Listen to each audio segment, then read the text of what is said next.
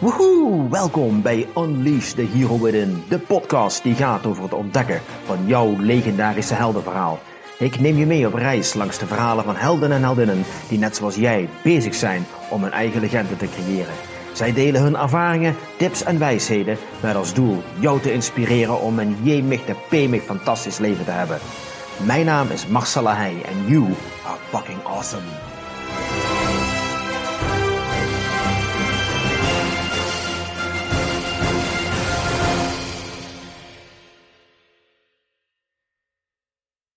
Hallo en welkom bij een nieuwe aflevering van Unleash the Hero Within. En vandaag praat ik met een stand-up comedian, Bram Martens uit Eindhoven.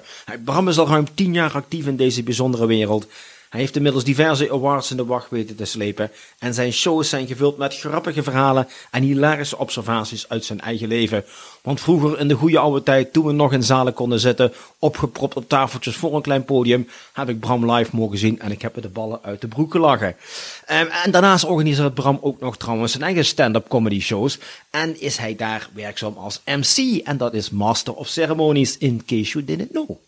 Nou, ik hoef je waarschijnlijk niet te vertellen dat er maar weinig te doen is in het Theater van de Lach. Dus daarom dit warme welkom voor de legendarische Bram Martens. Hallo Bram en van harte welkom. En om maar meteen met de deur in huis te vallen, mis je de optredens? Uh, dat mis ik wel. Maar ik ben ook wel iemand die als ik iets niet doe, dan doe ik andere dingen.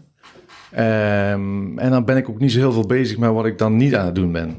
Oké. Heb ik gemerkt in deze periode. Want ja, je bent al een tijdje stand-up comedian, wat ze maar te noemen, hè? al tien jaar? Precies tien jaar. Ja. Uh, nou, niet precies. Ja, 21 april. Weet ik nog. Ik weet, ik weet nog precies waarom. Ja, dat.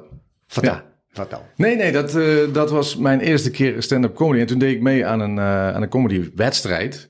De Comedy Slam heette die. En dat was een voorronde uh, in Oorschot, in de Enk. Ik geloof dat ze nu uh, failliet zijn. Er is geen verband volgens mij tussen mijn optreden en dat. maar uh, veel later. Ehm, maar het is eigenlijk heel gek natuurlijk. Als je met je achteraf kom je erachter hoe gek het is om je eerste optreden bij een comedywedstrijd te doen. Want dan ga je eigenlijk laten zien hoe goed je bent. en dat was ik natuurlijk helemaal niet. Maar het grappige was dat ik die voorronde won. Want het publiek bepaalde wie er doorging. Mm. En uh, uh, ik weet nog goed, er deed ook een jongen mee die, uh, die had in de finale, meen ik, van het Leids of Kameretten gestaan. En die had net een opleiding op de Koningstheateracademie gedaan. Dus die wist van wanten, zeg maar. En, en toen kwam ik met mijn zelfgeschreven grappen, die ik dus nog nooit uitgeprobeerd had. en en toen vond het publiek mij schijnbaar het grappigste die avond. Oh, wow. Dus wij waren allebei heel verbaasd. En hij was ook gewoon een beetje boos eigenlijk. Op het domme Brabantse publiek denk ik zo van... Ja, what the fuck. Gewoon, ik heb een opleiding gedaan, weet je. Ik heb van de finale gestaan. En die, die, die, die nitwit hier uh, met zijn foute grappen... Die, uh, die gaat er met de winst vandoor. Dus ik, ik vond dat, daar vond ik dan eigenlijk nog het leukste vanavond. Mm -hmm. um, maar ik nam ze toen ook nog op, die optreden. En uh, ik heb nog beelden van dat eerste optreden is echt afschuwelijk. Oh, afschuwelijk om te zien ook. Oh, ja, echt.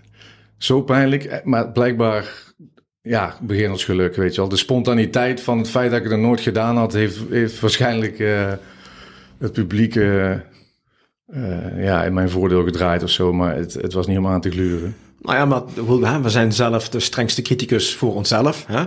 Dus misschien in dit Zeker. geval ook, want blijkbaar was er een hele zaal met mensen die het helemaal geweldig vond. Ja, dat, het symboliseert misschien ook wel het ongrijpbare van comedy. Dat okay. het, dat het uh, op het moment dat je denkt dat je het snapt, dan, dan gebeurt er iets waardoor je teruggeworpen wordt. Uh, er zijn gewoon geen zekerheden. Dus ook niet dat het gaat, gaat vallen of niet gaat vallen. En je kunt er zomaar een voorronde winnen terwijl je eigenlijk geen idee hebt wat je staat te doen. uh. Ja, en vervolgens, maar dat was wel dat, dat, die, die, dat kippenvel wat ik net een beetje voelde met dat applaus, zeg maar, dat heb ik toen voor het eerst gevoeld. En dat is gewoon, ja, volgens mij net alsof je heroïne spuit of zo. Heb ik nooit gedaan, dus ik kan het moeilijk vergelijken. Maar uh, gaat, het, gaat ook niet uh, naast elkaar leggen. Ga het niet proberen. maar, Maar uh, ja, dat is wel even... Er zijn wel stofjes hoor, die dan door je lijf gieren. Ja? Als, ja, als een publiek besluit van, hé, hey, jij bent gaaf man. Dat is echt de ultieme bevestiging uh, die je als onzeker persoon uh, wel eens uh, kunt gebruiken. Ja, dat kan me iets me voorstellen. Maar neem ons eens eventjes mee naar het begin. Want hoe word je nou een stand-up comedian? Waarom heb jij destijds besloten om elf jaar geleden om op podium te stappen? Um, ja, ik, ik, uh, ik ben niet bewust stand-up comedy gaan doen. Ik, ik ben begonnen met een cabaretcursus. Hmm. En daar, ik had iemand gesproken die dat gedaan had bij het Centrum voor de Kunsten in Eindhoven. En uh, ik heb wel, ik heb eigenlijk altijd mensen aan het lachen gemaakt, bedacht ik me later. Dus uh, thuis en op feestjes en ik was wel een beetje de lolbroek, zeg maar. En dat, ik denk eigenlijk een beetje om te verhullen dat ik niet sterk was, ook niet heel goed kon leren. Uh, dus dat was een beetje mijn, uh, mijn, mijn purschuim, zeg maar. en, uh, dus dat vond ik altijd ook heel leuk. En, en ook wel de aandacht die je dan hebt, weet je wel, vond ik wel leuk. En toen dacht ik van, nou, ik zou eigenlijk wel eens willen proberen om dat eens een keer bewust te doen. Dus om een, om een cabaret te gaan maken, om te kijken of, of je daar ook bewust kunt doen. Het, altijd, het was altijd gewoon spontaan. Het ontstaat of het ontstaat niet. En er is ook geen verwachting. Dus ik heb een cursus gedaan en dat was dan zo'n negen maanden. Met elke week een bijeenkomst. En dan kreeg je opdrachten en je moest schrijven en je moest uh, schaven. Heel veel strepen. Uh, dus je kreeg huiswerk. Dus, en dat heb ik ook nodig. Deadlines. Uh, want dan moest je voor de week daarna eens laten zien. En toen heb ik voor het eerst gemerkt hoe gaaf het is om zo'n proces door te maken van helemaal niks naar een idee naar een tekst, naar een aanpassing, spelen, schaven, uh, tweaken, nog een keer spelen en dan uiteindelijk voor een publiek gaan staan en dat dan gaan doen. En niet weten wat, wat het gaat, teweeg gaat brengen. Ja, de meeste, meeste vonden, vonden ze leuk. Het was gewoon een, zeg maar, met acht man één voorstelling, waarin iedereen een aantal gezamenlijke sketches had en ook een meer soort um, ja, monoloog, zou ik maar zeggen. Ja, individueel uh, dat je iets ja. ja. En uh, ja, dat viel gewoon goed. Mensen vonden het leuk en hadden een toffe avond gehad. En, en ik dacht, wow, dit is gaaf zeg. Het kan dus gewoon. Je kunt gewoon humor sturen of zo. En toen dacht ik, ja, en nu?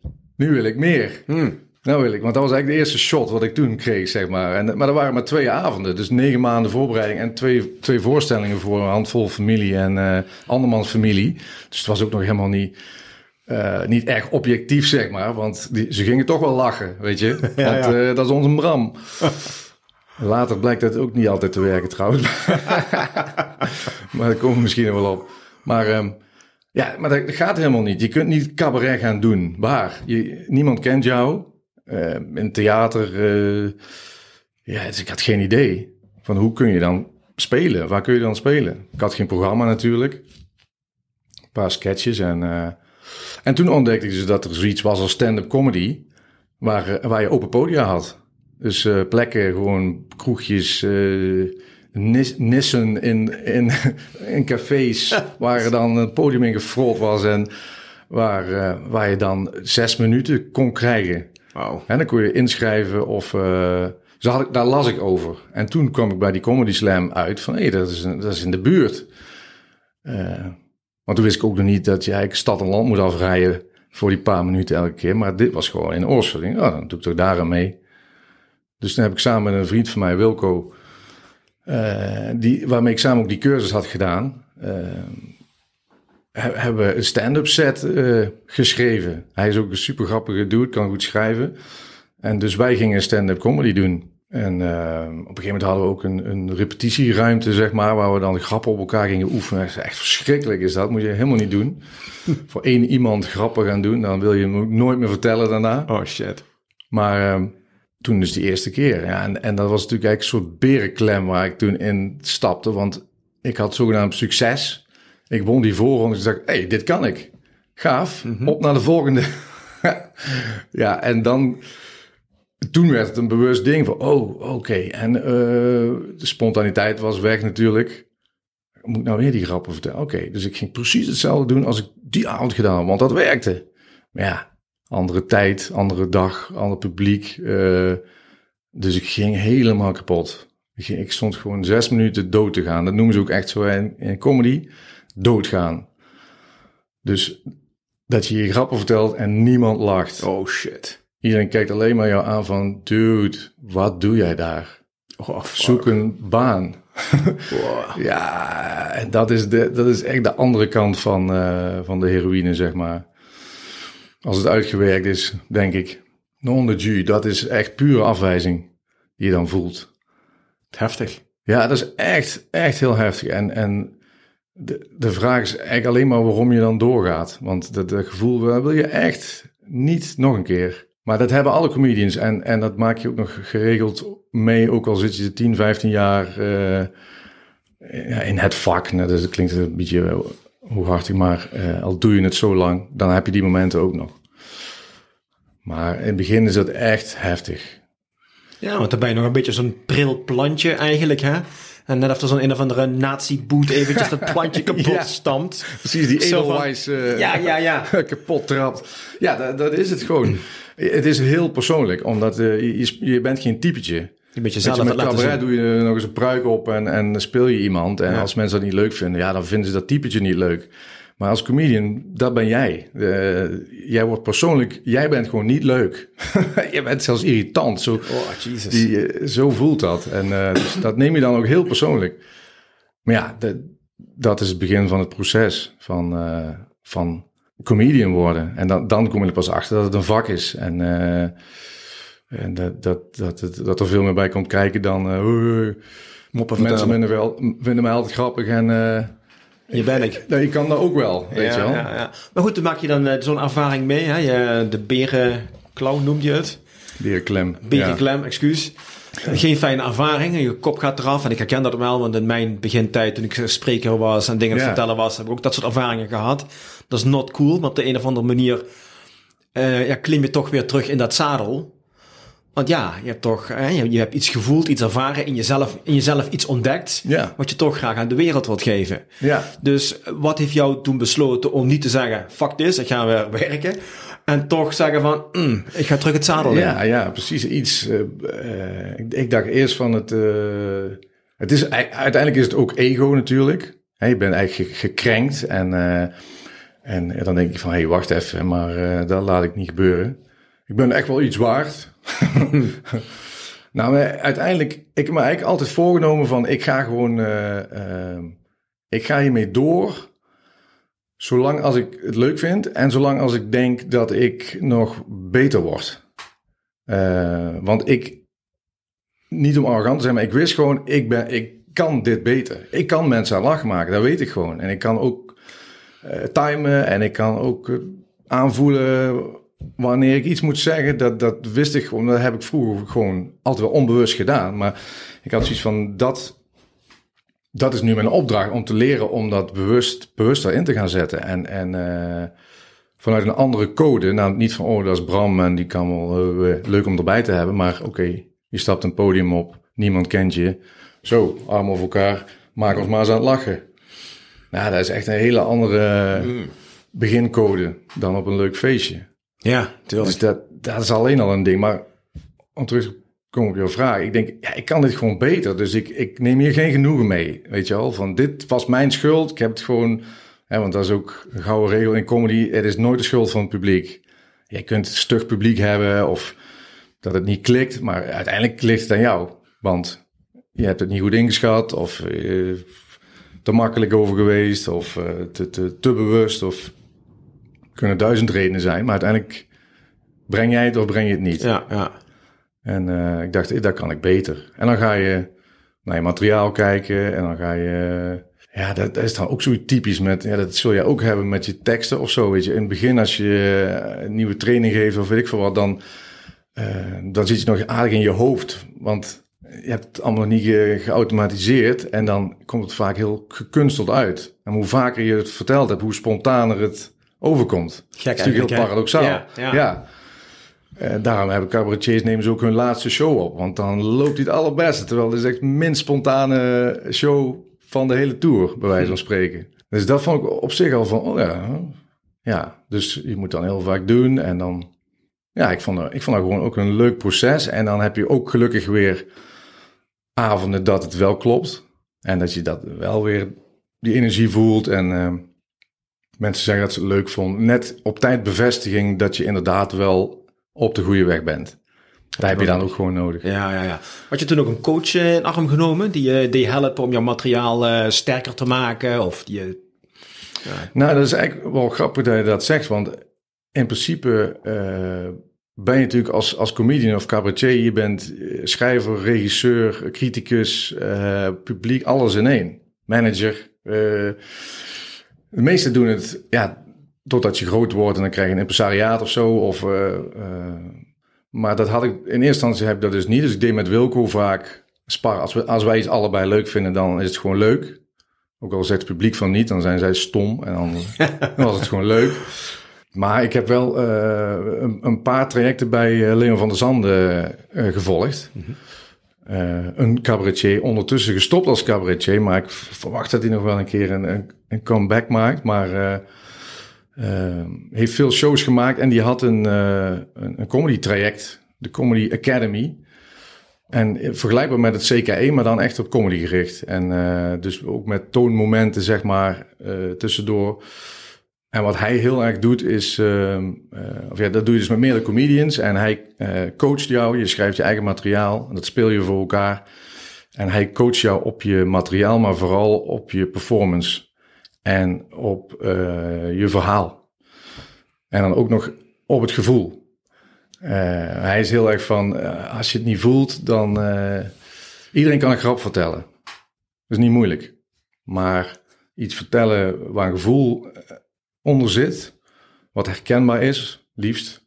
Maar wat vooral heel erg van jou is, dat, dat is meteen zoveel interessanter. En toen kwam ik er bijvoorbeeld achter dat mijn materiaal, zoals je dat dan noemt, en mijn grappen gewoon heel inwisselbaar waren.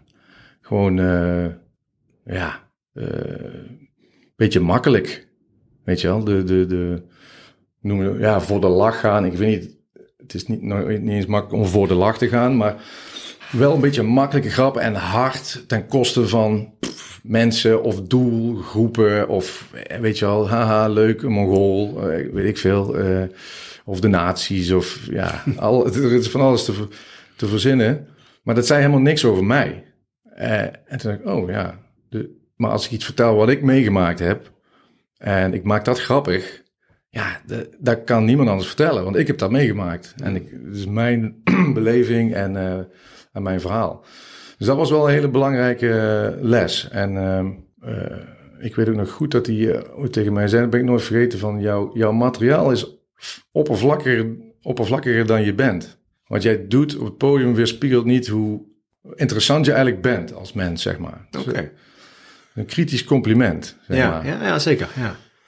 Um, en dat is dan vervolgens de, de, ja, de nieuwe zoektocht van hoe ben ik dan mezelf op een podium? Want dat is op zich ook al uh, ja, een tegenstelling natuurlijk ontspannen op een podium. Ja. weet je ook, voordat je ontspannen op een podium kunt staan, moet je het wel heel vaak gedaan hebben. En dan nog, hoe ben je dan jezelf? Ja. En wie ben ik dan eigenlijk? Wanneer ben ik mezelf? Zeg, ja. zeg ja, maar. Dus comedy is ook echt een, een, een, confrontatie met jezelf. En het publiek uh, is net als, uh, als kinderen of honden. Die, uh, die voelen zo, zo, aan of jij echt bent, ja of nee. Volwassenen kun je op zich om de tuin leiden, maar een publiek die zien gewoon als jij iets staat te doen wat niet bij jou past. Of een kunstje, uh, ja. ja. als je een kunstje doet. Ja. ja en dan kan het nog leuk, kunnen ze best lachen, maar dan is er. Uiteindelijk wordt het nooit bijzonder, zeg maar. Nee, dan mis het die diepere laag. Dus die diepere laag is eigenlijk een stukje kwetsbaarheid. Want je laat iets van jezelf zien. Hè, een persoonlijk verhaal. Dat is een beetje het volgende traject in stand-up comedy. Ik vind het ook helemaal geweldig. Ik kijk heel veel van dat soort dingen op Netflix uh, bijvoorbeeld. Uh, dus heel vaak zie je persoonlijke verhalen.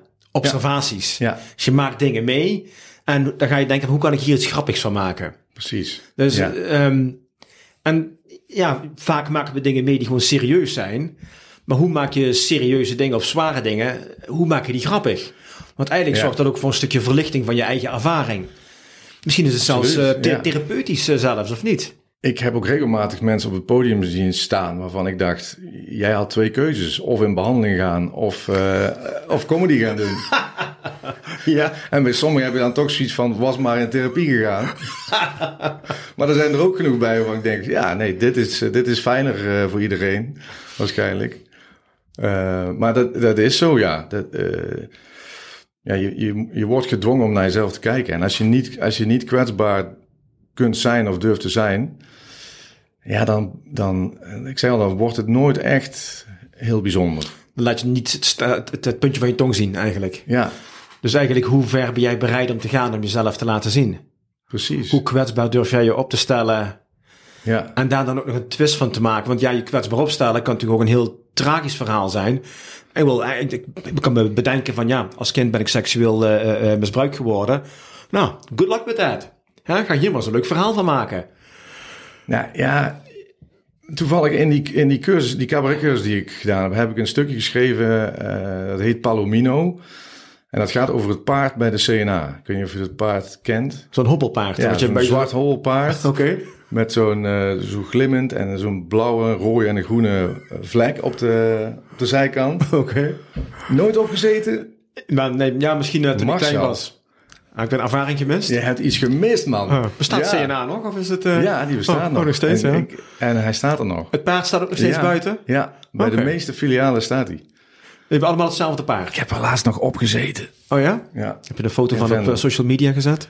Uh, ik meen van wel zelfs, ja. Ah, oké. Okay. Alleen de meeste mensen snapten de referentie niet. Dus die zagen gewoon een, een volwassen man heel blij doen op een, op een kinderpaard. Maar ja, ik heb in dat stuk... Heb ik, en het grappige is, eigenlijk is dat een stuk waar ik nog het meeste trots op ben. Zelf. Vertel. Nou, het gaat, het gaat over de dood van mijn moeder. Dat stuk. Dus dat ik, dat ik uh, haar kwijtraak.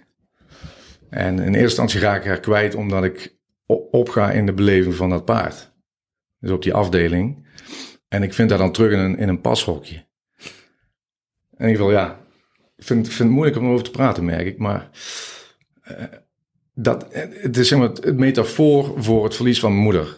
En, en uh, later ga ik dan terug naar de CNA. Terwijl ik weet dat ik haar daar niet terug ga vinden. Uh, omdat ik haar daar als, als jongetje ook terugvond. Hmm.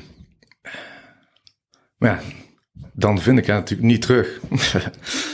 um, en dat is grappig, ik heb dat verhaal heel vaak verteld. En dat kan ik heel goed en mijn ogen erbij droog houden. Maar soms dan, dan klapt hij er één keer in. Maar goed, dat heb ik geschreven. En dat heb ik, als ik dat speel, ja, dat maakt niet uit. Dan, dan, wat mensen daar dan van vinden, meestal vinden ze het mooi.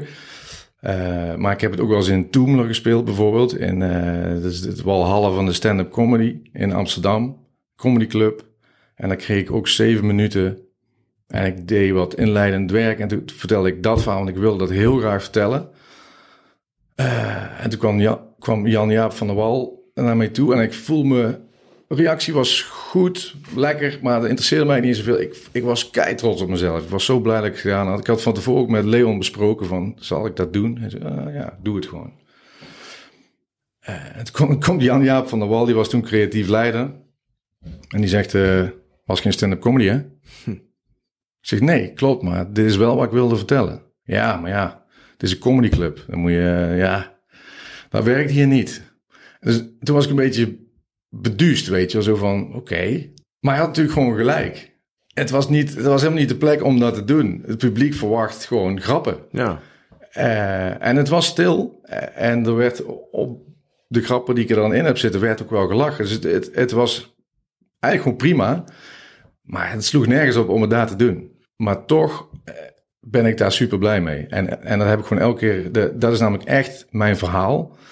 Jij zegt terecht van het kan heel pijnlijk zijn als mensen iets grappig willen maken, maar het wordt niet echt grappig. Dat het pijnlijk blijft. Of het is nog te dichtbij. Het zeggen in comedy zeggen ze uh, pijn plus tijd is comedy. Ja. Als het, als het too soon is, dan, uh, dan is het niet leuk. Uh, of je hebt het zelf nog niet overwonnen, verwerkt. verwerkt. Ja, ja. Of, of de maatschappij zit er nog middenin. Ik zeg maar wat. Nu grap over corona is ook helemaal niet leuk. Ja, daar, daar zit voldoende afstand in. En het is ook, het is ja, verhaal, hoe zeg je dat? Symbolisch. Het is, ik zeg niet, ja. Het, ik ben daar trots laat ik het zo ja, zeggen. Ja. En dat heb ik heel lang met comedy niet gehad. Daar ben ik eigenlijk pas sinds kort achter. Dat ik in de fuik van stand-up comedy ben gezwommen. Namelijk grappen maken. En dat is ontzettend moeilijk, hè? Stand-up is echt moeilijk. Dus ik wil er niks aan afdoen. Maar eigenlijk is het helemaal niet wat ik, wat ik ben. Ik ben meer verhalenverteller. Ik maak graag mensen aan het lachen, maar zo van, jij gaat er staan, je hebt 10 minuten en je gaat nou mensen aan het lachen maken. Maak ik zelf wel uit. Of er wel of niet uh, gelachen wordt. Uh, er zijn zoveel meer emoties die je kunt aanspreken. En, uh, en als die lach dan komt, dan is hij ook wel fucking lekker. Want dan, dan laat hij heel veel spanning los. En dat is wat ik wel in deze afgelopen periode heb geleerd. Zeg maar, je vroeg, mis je het? Nou, ik mis eigenlijk niet zoals ik het gedaan heb. Alleen ik mis wel zoals ik het wil gaan doen. Ah, oké. Dus je bent eigenlijk een soort uh, nieuwe versie van jezelf aan het eh, creëren op dit moment. Of aan het ontdekken misschien. Ja, ik, ik denk het wel. Wij hebben, ik zit sinds kort bij een klein impresariaat. Bij uh, bureau Damen en de Heer. Ik noem ze expliciet. Dat kunnen ze goed gebruiken. Ze zijn net begonnen. een heel leuk duo, Marcia en Sam. Allebei op een eigen manier veel ervaring en contacten in de theaterwereld. Uh, en daar, daar, daar, zit ik nu bij. En, en Sam die zei van, samen met de andere comedian Gerry Smits, waar ik ook veel mee samenspeel, ook een vriend. Zullen we Leon, we kunnen Leon vragen om, om een creatieve sessie te doen, Leon van der Zanden. om aan onze avondvullende voorstelling te werken. En mijn reactie was, ja, super gaaf, maar dit komt veel te vroeg. Ik heb niks. Dat, daar, daar vind ik gewoon bijna respectloos om om hem nu te laten komen en uh, te zeggen, ja, wat heb je al? Ja, niks. Mm. Ik zeg, en ik zit gewoon in, in, een creatief vacuüm, weet je wel, die hele lockdown en shit. Gewoon, eh, kunnen we niet beter dan eerst uh, met elkaar wat meer uh, gaan sparren ja. en iets schrijven en doen? En zeg, nee, eigenlijk juist niet. Ik wil, ik denk juist dat hij ons misschien kan inspireren en een beetje uit, dat, uit die winterslaap kan halen.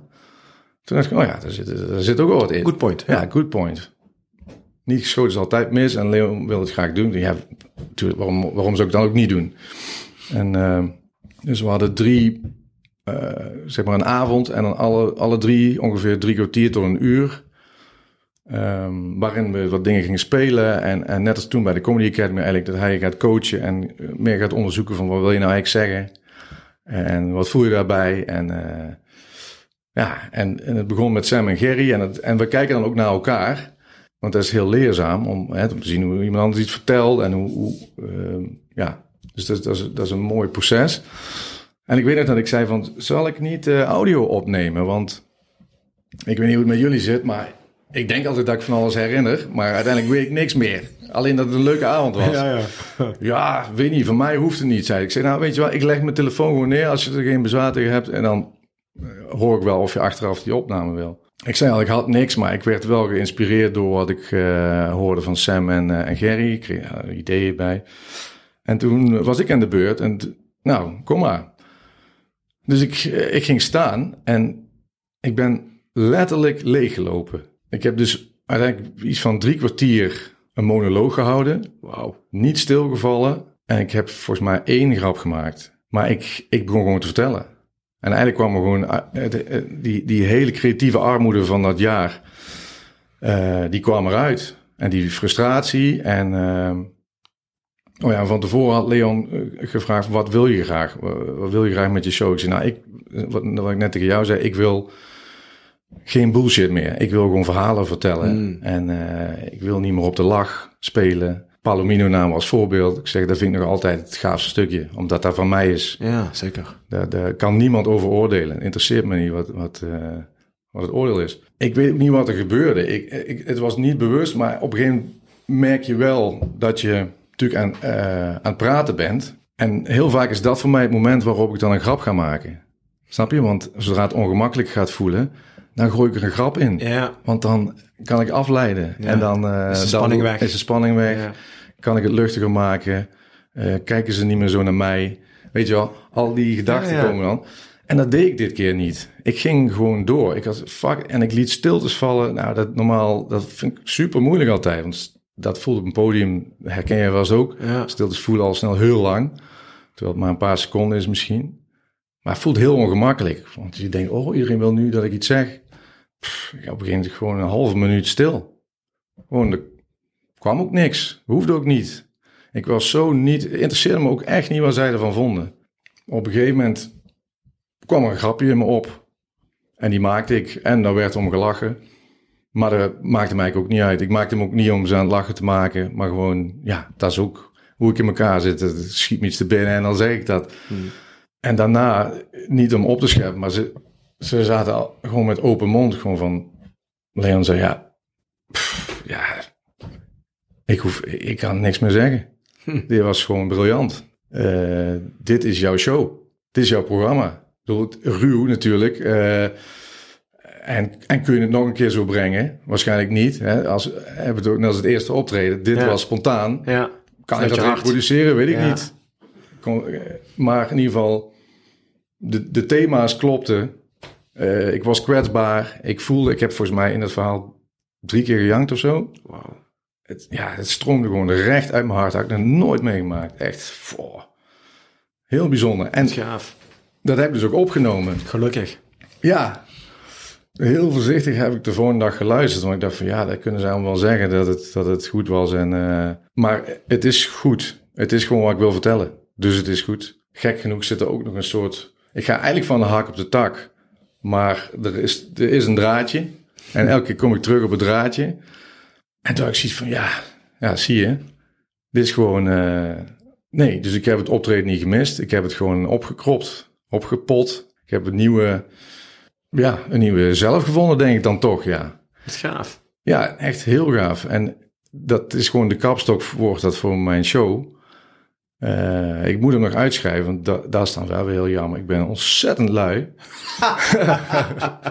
Elk ander, denk ik, zou het de volgende dag uitgetypt hebben en, en drie dagen later eh, zijn show af hebben. Ik dus niet. Ik heb een opname. Eh, dus ja, ik moet daar wel mee aan de slag. Maar dat voelde echt heel gaaf. En eh, daar ga ik ook. Mijn, mijn streven is gewoon om, om er, daar een show van te maken die. eh, en daar heb ik het ook wel met Leon over gehad. En misschien gaat hij hem regisseren. Dat, dat bood hij ook aan. Om, eh, om te kijken van. Ik moet, ik moet dat spontane hebben. Net als als MC, hè, dat, Ja. die interactie, dat, Ja. dat improviseren. Dat, dat is deels de energie in mijn show. Eh, en dat moet ik op de een of andere manier inzien te krijgen. Want dit, ja, dit verhaal kan ik niet avond in, avond uit eh, spontaan eh, brengen. En als dat het is, zeg maar. Dus we gaan daar gewoon eh, op een spannende manier proberen om, eh, om elke avond ook voor mezelf een, een verrassing te maken. Dus dat, Ja, ja. Er er zit een rode, rode draad in. Een aantal dingen die je wilt eh, bereiken, zeg maar. Dan hier een Zegt flesje hij, water op. terwijl hij water Ja. over zijn papier. Ja, met... Is de eerste keer dat ik een flesje water Het is theater, hè mensen? is allemaal echt hier. Het is allemaal echt constant. Ja. Dus eigenlijk heb je nou eh, alle ingrediënten bij elkaar voor een show, zeg maar. Je hebt een hele hoop, een, een rode draad, een aantal ingrediënten. Ja. die moeten daar op de een of andere manier weer spontaan uitkomen. Alleen het hoeft nooit hetzelfde te zijn. Elke avond kan anders zijn. Ja, een hele hoop van die ingrediënten komen terug. En waarschijnlijk in de spontaniteit ontdek je ook nog nieuwe ingrediënten. Ja, precies. Dat, dat, is, dat is het hele idee. En dat, dat is inderdaad ook wat, eh, wat Leon zei. Van, zolang je dat vast kunt houden, dat je gewoon vertelt wat je wil vertellen, dan komt er altijd iets. En als het niet per se grappig hoeft te zijn, dan maakt het dus ook niet uit. Kijk, het is wel... Dit was veel te zwaar. Dit is, als, je, als je dit brengt, dan gaat iedereen depressief naar huis, bij de sprekers. Jezus man, we hebben net, net een lockdown gehad. Dus je, je moet die spanning wel ontladen. Dus je, ik moet er ook grappen in gaan schrijven op de juiste momenten. Van, eh, maar dat, dat, dat is een allemaal meer technisch verhaal. eh, wat je met, eh, met een regisseur kunt doen. Dus, maar dat, dat moet, wel, moet wel lukken, denk ik. Ja, dus het heeft me toch wat opgeleverd, zo, Oh, die, die ellende. Ja, nou, dat is toch hartstikke fijn. Ik bedoel, dat tot nieuwe inzicht en inspiratie heeft gebracht. En je kunt daar je eigen show van gaan maken. Hoe gaaf is dat? Ja, En wel, het is iets meer dan zes minuten. Maar dat is toch... Ik, hè, ik, ik heb ook wel eens van documentaires gezien over stand-up comedy. Hè, van Seinfeld bijvoorbeeld. Nou, heb je toch hè, een van de legendarische Ja, stand-up zeker. comedians. En die vertelt ook hoe fucking moeilijk het is om een set te maken van zes minuten of tien minuten. Laat staan een uur. is dat die eh, comedian, die film die jij gezien hebt? Ja, het, is, ja, het gaat over ook over zijn jonge jaren, eigenlijk alles. Jonge jaren tot nu. En dat hij dan ook zijn, zijn, zijn comeback wil maken als eh, comedian? Ja, zit er ook in inderdaad. Ja, dat is briljant. Dat is, ja, dat is precies inderdaad wat het is. Van, dat hij naar de, de populairste comedy-serie op aarde, zeg maar, Seinfeld. Ja. Hij is gewoon een, een, een god in die zin. Je, je vindt hem leuk, je vindt hem niet leuk, maar dat hij dan en nu ga ik gewoon weer stand-up doen. En hij zegt, die, die, eh, die goodwill die je hebt al, van al die jaren daarvoor, nou, die gaat 30 seconden mee. Ja. Daarna moet je grappig ook. zijn. Ja, klopt. Wow, man. Ja. En hij gaat ook dood, hè? Hij Ja. gaat, oh, en verschrikkelijk. Je ziet hem lijden gewoon. En toen dacht ik, oh, wat fijn is dit. wat fijn. Dat heeft helemaal niks met mij te maken. Ja. Wel, eh, zelfs de allergrootste, die hebben dat. Ja. Dat, ja, dat vond ik heel gaaf. Ja, heel terwijl hij gewoon geweldig is. Want ik heb ook zijn laatste shows gezien. Hij is echt, hij is echt Hij goed. is briljant. Ja, Hij je ziet briljant. ook dat hij... Op een gegeven moment komt hij er weer... Hij is gewoon keigoed. Ja, En, en inderdaad, want ik zeg dan eh, in zes minuten, er is niks zo moeilijk als in zes, zes minuten grappig zijn met een, met een boog. Weet je wel, met publiek moet je leren kennen. Om publiek binnen zes minuten te grijpen, is echt bijzonder knap. Ik, wat dat betreft, comedy is veel moeilijker dan cabaret. Comedy is gewoon cabaret stripped of all the bullshit. All, eh, alle, alle woorden die niet nodig zijn om tot die punch te komen, weg. Ja, super moeilijk. ja, dat geloof ik. Dat geloof ik. Ja, een verhaal vertellen is één ding inderdaad. Maar een verhaal vertellen met zoveel mogelijk laughs te krijgen... Ja, is quite a challenge. Ja. En het ligt er maar net aan in welke staat je bent. Hè? Want je kunt het nou wel bedenken uit de comfort of your own chair. Ja. Maar als je nou op een podium staat eh, met een volgepakte zaal... en iedereen staart je aan zo van let me have it... Ja. en je hebt toevallig eh, niet, niet kunnen schijten die dag of zo... Nou, Wat regelmatig gebeurt, ja. maar dan, tegenwoordig doe ik het gewoon op het podium. maar ja, dat is, Ja. dat is wel eh, ja, dat is een uitdaging. Nou, dat inderdaad ook, ja. Dat, oh, dat je gewoon de hele dag gewoon gewerkt hebt voor je geld. Hè? Want ja, comedy eh, zijn, is er maar weinig gegeven om daar een goede boterham eh, in te verdienen. Dus jarenlang eh, werk je gewoon en, en ga je, je dan naar een optreden. En dan heb je een kutdag gehad of functioneringsgesprek, weet ik veel. eh. je bent eigenlijk helemaal op. En dan moet je nog anderhalf uur rijden en dan kom je daar in zo'n troosteloos dorp. of niet troosteloos, maar je voelt je troosteloos. ja. En dan denk je, man, god, wat, wat doe ik hier? Waarom doe ik dit? En, en zodra je dat podium opstapt, is het allemaal weg. Ja? Dus gewoon je, je keelpijn is weg, of je, je, dat je moet schijten is weg. Gewoon, alles gaat gewoon on hold. Het is echt zo in zo'n trechter.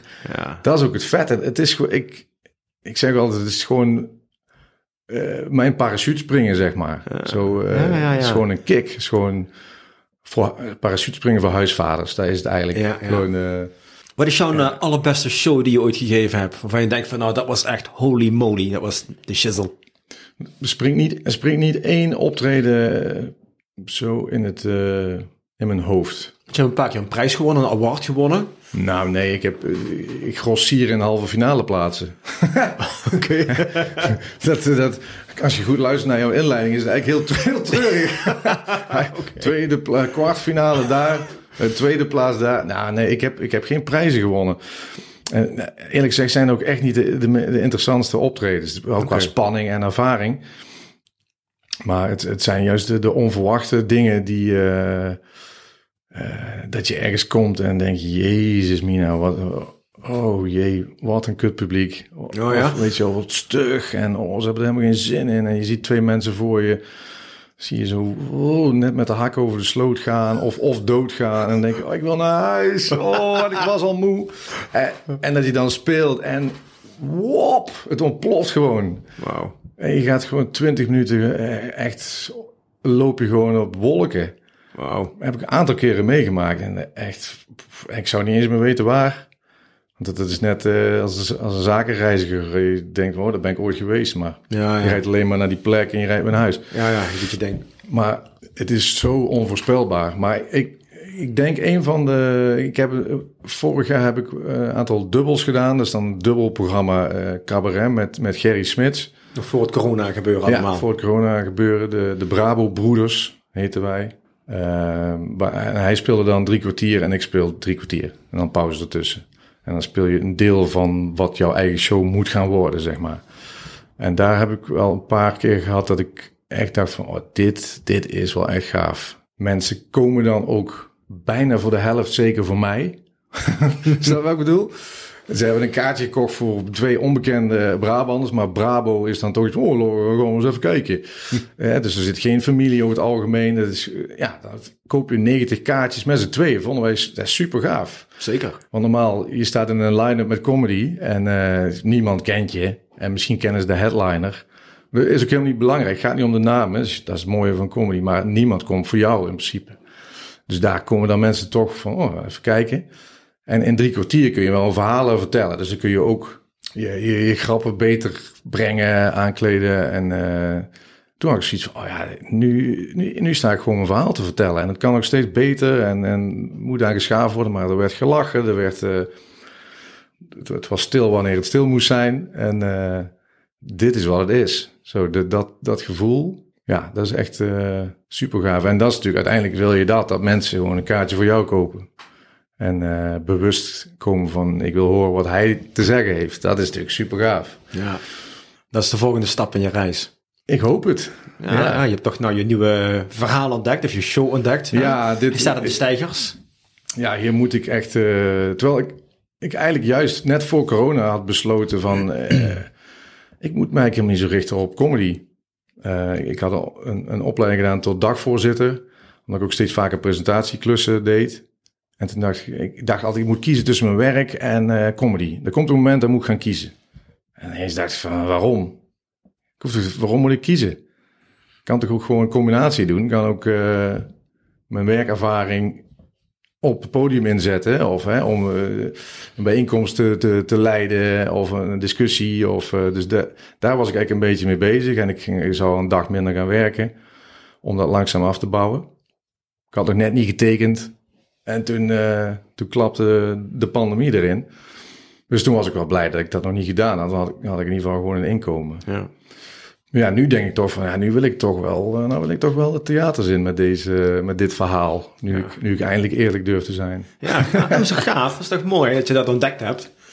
Dat in een tijd van, van stilte eigenlijk. Ja, daarom is het zo gek. In een tijd waarin ik helemaal niet geleefd heb als comedian of me comedian heb gevoeld, eh, daar ook helemaal niet mee bezig ben geweest. Behalve af en toe wat aantekeningen in mijn telefoon. Maar ik heb niks geschreven. Het vuurtje eh, brandt toch gewoon van binnen, blijkbaar. Ja, ja. Je ontdekt de antwoorden fijn. in de stilte. Ja, oh, dat is mooi gezegd. Ja. Ja. Daar laat ik even een stilte opvallen. Cricket, cricket. ja, maar wat gaaf man, wat gaaf. Ehm nou goed, je hebt het over eh, humor, hè, persoonlijke verhalen. Nou, dat, zie- dat zie je ook vaak eh, terug in andere stand-up comedians. Wat zijn zoal verhalen die jij eh, die je deelt? Als ik, als ik, eh, als ik comedy hier vertel, Ja, zeg maar. als Ja. je gewoon als je, heb, je, heb je bepaalde verhalen, bepaalde persoonlijke verhalen. Hè? Je had het net over dat paard bijvoorbeeld. Maar heb je meerdere persoonlijke verhalen die je steeds verder uitwerkt, die je regelmatig eh, ja, terug laat komen? Ja, ik heb wel vast een beetje vaste stukken waarvan ik wel weet wat ze doen, zeg maar. En ik, ja, ik vertel net gewoon over, over wat ik meemaak. Ik heb, ik heb een stukje over mijn vasectomie, mijn besnijdenis. Besnijdenis, ja. Oeh, dat is, eh, Eh, ik dacht, nee, ben ik besneden? Ja, ik ben besneden, ja. ja, daar heb ik een, eh, ja, daar heb ik een stukje over. Want het, het, ja, ik heb, het is toch een aaneenschakeling van ellende gewoon, mijn, mijn, mijn leven. Dingen die voor andere mensen gewoon heel prettig uitpakken. Die, eh, nou, vasectomie eh, pakt voor heel weinig mensen. Ja, op de duur natuurlijk wel, maar het ondergaan ben je ook niet heel vrolijk van volgens mij. nee, ik zeg besneden. Ik ben ook besneden. Een Dat vasectomie en besneden. vasectomie en, eh hoe heet het ook alweer? Eh besnijden niet? Circumcision? Ja, circumcisie. Ja, oké. Wat dacht je? Was het two for one special? Let me have it all? Nou, zoiets, maar dan, maar dan niet daar. Nee, ik zal jou zeggen. Ik was 16 en ik had vratten op mijn handen. Oh, ik dacht al wat op je pik of zo. Ja, ja, dat, dat, dat- dat zou helemaal gaaf zijn. ik had hoe dan ook geen seksleven, dus eh, het maakte niet uit. Maar, en ik had... eh, eh, ja, dan zul je vragen, hoezo begin je nou over vrat op je handen? Maar dat komt dadelijk. En ik was, denk ja, ik was eh 15, bijna 16. En toen was het mooiste meisje van de klas, die wilde met mij naar buiten op een feestje. En dat wilde ik ook wel, ondanks dat het vroor, want het was min drie of zo, maar dat maakte mij niet uit. Ze wilde wel met mij naar buiten. En wat ging zij doen? Zij ging met haar hand in mijn broek. En dat had nooit een meisje gedaan. Dus zij ging mij in de vrieskou aftrekken. Ik denk, holy shit. Dat maak ik mee. Hoe gaaf. Het mooiste meisje van de klas trekt mij af. Ja, ook al hangen de ijspegels aan mijn ballen. Maakt niet uit. Dit wordt er een. Dit wordt een verhaal. Ik was, al, ik was gewoon al met vooruitziende blik trots op mezelf dat ik dit aan mijn vrienden kon vertellen, weet je wel. Maar op de een of andere manier was het helemaal niet fijn. Sterker nog, het deed pijn. Maar ik dacht, hey, kom op, verman je, dit, het zal er wel bij horen. Hè? Maar eh, dit is wel even, ik wou bijna naam noemen, dat zou niet, niet fijn zijn. Dit is wel gewoon, eh, One for the books. eh, laat ik er Anneke noemen. Dit is wel Anneke, die, die gewoon aan mijn pieliewielie staat te trekken. Dus geniet ervan. en nou, ik naar binnen en op een gegeven moment gingen we naar een andere kroeg. En ik denk, oh man, het deed nog steeds pijn. En ik ga naar de wc, ik denk, ik ga even pissen. Er zat mijn hele onderbroek, hele boxshort vol met bloed. Fuck. Dus ik schrok met de tyfus. Ik denk, oh man, als dit het begin van mijn seksleven is, dan, eh, dan ga ik iets anders doen. dan word ik eunig. maar, eh, maar wat bleek nou? Ik had dus een Spaanse kraag, bleek. Ik had een te strakke voorhuid. Eh, en dat wist ik natuurlijk al wel, maar ik had daar zelf al een beetje omheen getrokken eh, de jaren daar vooraf. Ja, bedoel, je doet er maar wat je hebt. Ja, Dus ja, ik denk, hè, aangepast dus- aan de omstandigheden. ja, precies. Ik had zo mijn eigen backhand. Ehm, dus eh, ik denk, fuck, dat is niet goed. Ik, dit zou, het zou lekker moeten zijn, dit. Maar dat was echt, echt helemaal niet gaaf. Dus toen ehm, ben ik naar het ziekenhuis gegaan. En toen ehm, ja, moest ik besneden worden. Oké. Eh, en toen zei ze, en je hebt ook fratten, zien we. zeg, ja, dat klopt. Zo, eh, wat is het verband? Zei, nee, eh, als je wil, kunnen we die dan ook... Want je gaat onder narcose, kunnen we meteen die fratten weghalen. Op je handen. Op mijn handen. Even voor de luisteraar. Ja, dat die denken dus van... niet op mijn lul. Ja. Nee. Dus in dat, zo gezegd, zo gedaan. Dus ik kwam uit het ziekenhuis met verband om mijn lul en verband om mijn handen. En dat was natuurlijk ideaal, want de komende weken had ik ook echt geen zin om aan, mijn, aan mijn lul te zitten. Maar... Oh man, en, en zo moest ik dus een, een paar weken eh, door het leven. Maar daar heb ik, daar heb ik dus nog nooit eh, iets met comedy mee gedaan. Was trouwens ook nog mooi, want mijn arts... Ik kon, ja, ik bedenk me nou eens. Mijn arts die, die dus die circumcisie had gedaan, die heette dokter De Smet. En die stond erom bekend. Iemand zei het tegen mij en ik vraag me nog steeds af... waarom zeg je zoiets tegen mij om mij gerust te stellen? Die zei... Ja, dokter De Smet die heeft, zelf, heeft in Afrika eh, gewerkt. Die opereert nog met mes en vork als het moet. ik denk, oké, hopelijk niet hier. Maar ik kwam bij hem op controle en eh, heb je dat ooit heb je dat gehad, een circumcisie? Denk het niet, hè? Jawel. Ook. Wel? Ja, ook. Ja, ja. I know what it feels like. Je twijfelde even, zal ik het zeggen? Ja, ja. Moest je ook in de badendas? Dat je, dat, met die hechtingen en dan moest je eh, in de, zo in mijn sas met badendas. Ja, volgens mij wel. Een tijdje geleden, maar... eh, ja. ja, die moest je dan om, om te weken, om te kijken of die, of die hechtingen al los, los gingen. Ja, ja ik, hij knikt ja, ja, dames en ja, heren. ja, ja. Ja, ja, dat is ook een heel knullig beeldje in zo'n bakje. Ik dacht, hoezo badendas? Dat is toch een merknaam? Dat is, eh, wordt die gesponsord of zo? Ja, ja. ontstekingsremmend geloof ik of zoiets. Ja, Ja, of het dat is goed. toch eh, anders dan eh, andere dingen. Ja. middelen. Maar goed, ik kwam dus bij hem. En toen zei hij, nou... En ik had dat mes en vork in mijn achterhoofd. Ik denk, oh my god.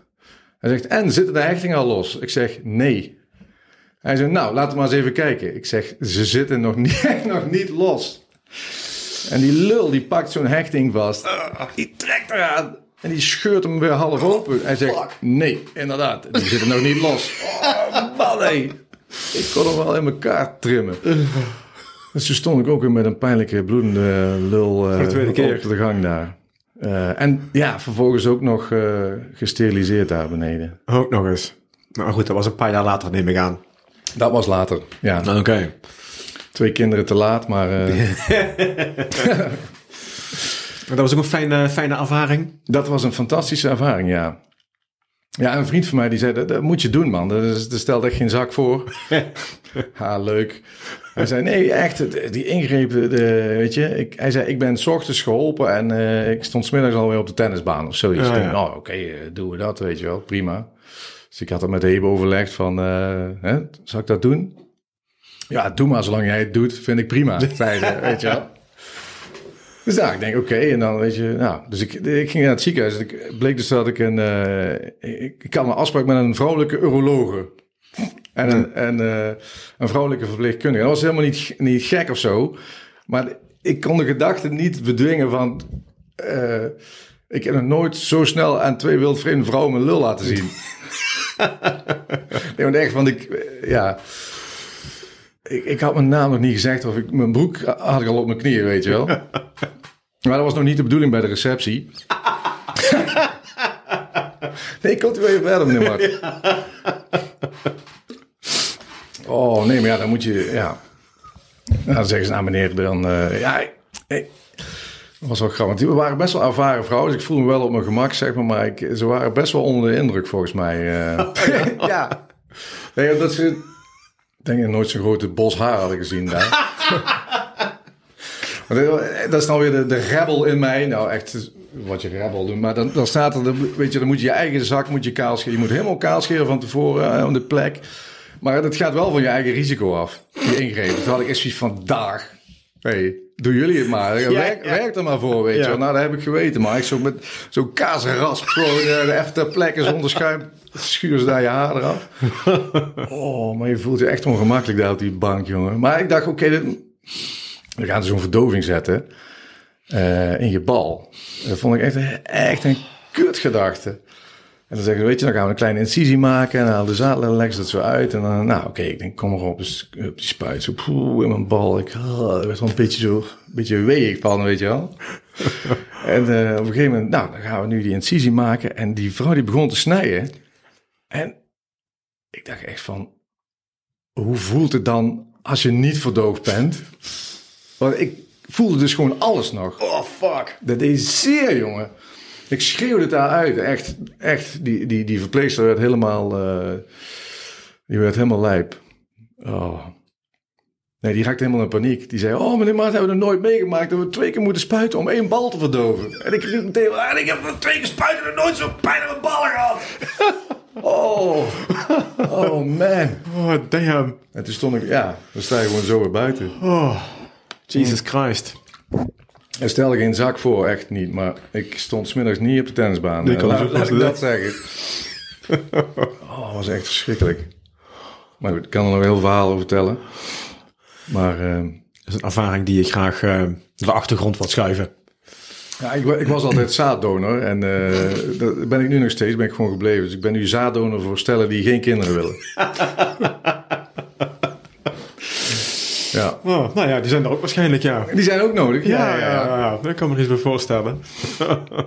Ja, ik heb eigenlijk, ik zou gewoon een show kunnen maken over, eh, over medische missers eigenlijk, bedenk ik me nu. Echt, eh, Ah, ja, wat een groot succes, denk ik. Ik wil eh, over, over je penisverhalen inderdaad. eh ja, dat wordt natuurlijk al snel plat, maar het is, ik heb het wel echt meegemaakt. En, het zijn eh, persoonlijke ja. verhalen. Ja, ja.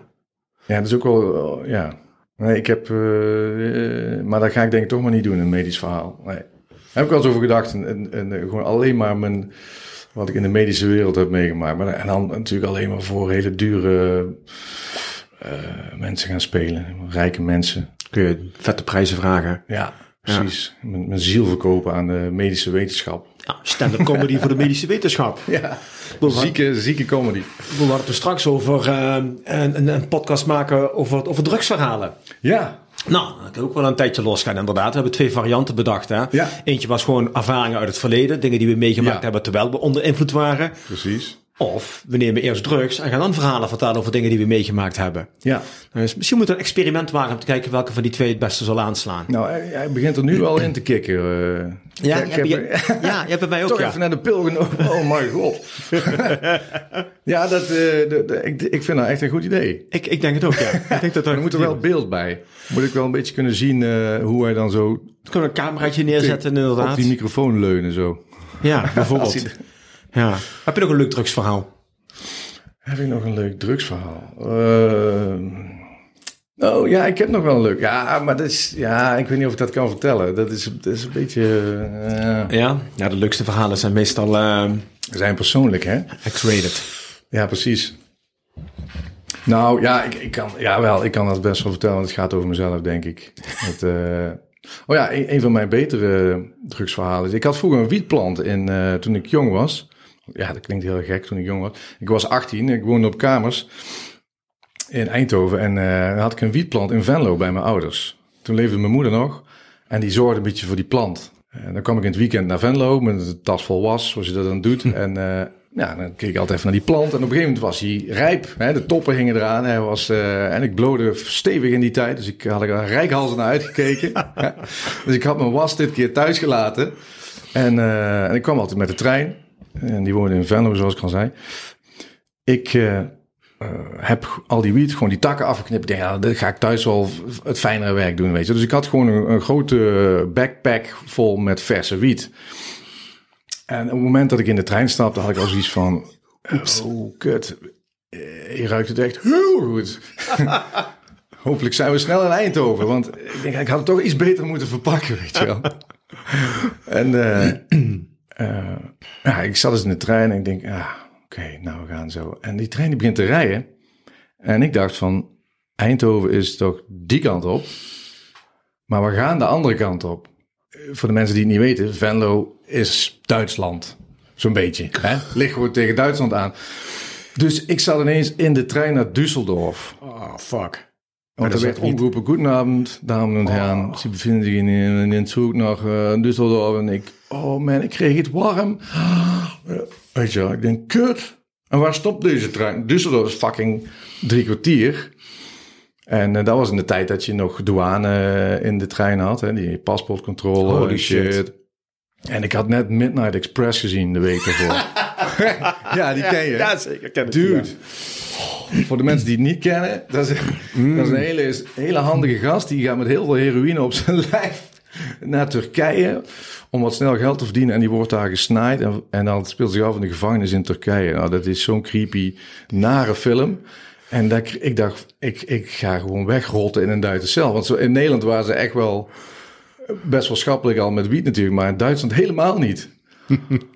oh, fuck. En toen um, had ik het geluk dat hij een stop maakte in Viersen. En dat is net over de grens. Dus ik met die rugzak naar buiten. En uh, mijn vader vond daar helemaal niks. Hè. Die, die wiet, die, had, die, die stond het oogluikend toe. En mijn moeder bepaalde gewoon van die plant die blijft. Maar mijn pa was advocaat. Dus die, die, uh, zijn, zijn, zijn arbeidsmoraal uh, kwam aardig in het geweer. Dus hij wilde er niks mee te maken hebben. En hij zei ook... En die zin die kwam toen in mij op. Hij zei... Ik kom je overal halen, maar niet voor drugs. You're on your own. Als je gesnaaid wordt een keer met drugs... Zoek het maar uit. Mm. Dus ik stap uit een vierse met een volle rugzak... dampende, stinkende wiet. Hij had er zo'n stoebe... Uh, en ik denk, wat, ja, wat moet ik nou? Ik moet iemand bellen. Ik had geen geld op zak, niks. Ik, had, uh, ik kreeg 50, cent, of 50 fanny kreeg ik van de barman uiteindelijk om te mogen bellen. En, ik, en toen dacht ik, oh, mijn pa komt me niet halen. Ik ga gewoon, ik ga gewoon, ja echt, ik, ik ga de bak in. Toen belde ik naar huis en ik zeg, pap, ik sta in Viersen met die rugzak vol wiet. Was even stil. Ik kom er nu aan. Hey. Ja. En tien minuten later stond hij er. Wow. Kwam het toch maar halen. Dat vond ik zo fijn. Nou. Dat was echt de liefde. Maar ik denk dat die vrouw geen zin had in een zoon in de, ja, ja, in de bak in Duitsland of zo. Maar nee, hij, toen heeft hij me op de trein naar Eindhoven gezet. Oh. Met diezelfde backpack dus, wiet. Uh, met die backpack wiet daar wel. Oh. Daar heb ik toen mooi uh, in de waslijn gehangen thuis. En uh, nog veel plezier van gehad. Maar die had ik wel verdiend. Goeiedag zeg. Ja. Ah, dat is nice. Ja, dat is nice. Ja, oh, je blijft nog een heel verhaal ook over wiet en drugs en zoiets. Maar misschien, uh, nou, we zijn dan over een uur heen, dus misschien is dat wel oh, gesprekstof oh, ja, voor, een, ja, ja. Uh, voor een andere podcast. Maar dat is wel leuk. Hey, beste luisteraar, laat maar eens eventjes weten of jij het leuk zou vinden om een podcast te horen gevuld met drugsverhalen. Ja. Als iedereen nou zegt van, nou, fuck, dat hoeven we niet te weten, dan gaan we het niet doen. Maar als er dan een paar mensen zeggen van, nou, ja, ik ben wel nieuwsgierig naar wat uh, meer van dit soort verhalen. Laat het me weten. Dan, uh, wie weet, maken we eens een keer een, een narcotic special van of zo. Ja, ja daar ben ik ook wel benieuwd naar. Ja. ja. En dan, als, als ze dat willen, dan, uh, dan wil ik wel mijn eerste ecstasy-ervaring delen. Dat is ook nog wel een bijzonder verhaal. Oh ja, ja, dat is voor iedereen. De eerste ecstasy-ervaring is natuurlijk priceless. Uh, ja, maar ik denk niet dat hij voor heel veel mensen zo verlopen is als bij mij. Oké, okay. hij is niet de hemelse ervaring helemaal. Oh jawel. Oh wel. Ah, oké. Okay. Maar de rest hou ik spannend. Dus als mensen okay. het willen horen. Oké, nou ik wil hem ook best gaan delen, maar ook in een andere podcast. Dus we hebben ja. in ieder geval twee verhalen te pakken. Ja. En ik heb nog wel een paar vrienden die daar ook wat ervaring mee hebben. Dus beste luisteraar, mocht je meer van uh, dit soort drugsverhalen willen horen, laat het me eventjes weten. En dan uh, maken we daar een special de. Ecstasy Narcotic Special. Anyways, we zijn weer uh, aan het einde gekomen van een fantastische podcast. Bram, ik wil jou hartelijk bedanken dat je naar Helden bent afgereisd. Ja. Dat je al jouw verhalen en ervaringen hebt gedeeld. Een lach en een traan. Net Ja. zoals het hoort in het theater. En in het leven. En het leven, het leven is een lach en een traan. Dus eh, laten we vooral proberen om zoveel mogelijk eh, een lach van te maken. Ja. Zelfs van de dingen die misschien in eerste instantie een traantje oproepen. Zeker. Ik, Want, eh, eh, en ik wil jou heel erg bedanken. Ja, ik eh, ben met plezier gekomen. En eh, je zei, jij gaat vooral aan het woord zijn. Ik dacht, hoezo? Dat vind ik helemaal niet fijn. Maar ik heb alleen maar geluld. dus Zo wordt het ook. eh, ja, nee, ik vond het hartstikke leuk. Bedankt Ah, voor de uitnodiging. En eh, ik kom graag nog een keer terug als ik drugs op heb. Zeker doen, man. Hey, thanks so much, beste luisteraar. Hartstikke bedankt weer voor het luisteren. En eh, until next time, bye bye. Houdoe!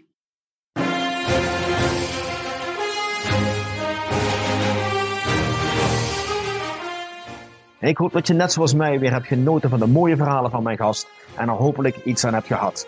Wil je meer inspirerende goodies ontvangen over hoe jij een fucking awesome legendarisch leven kunt hebben? Ga dan naar mijn website unleashtheherowithin.nl en meld je vandaag nog aan. Thanks for listening and until next time, stay awesome.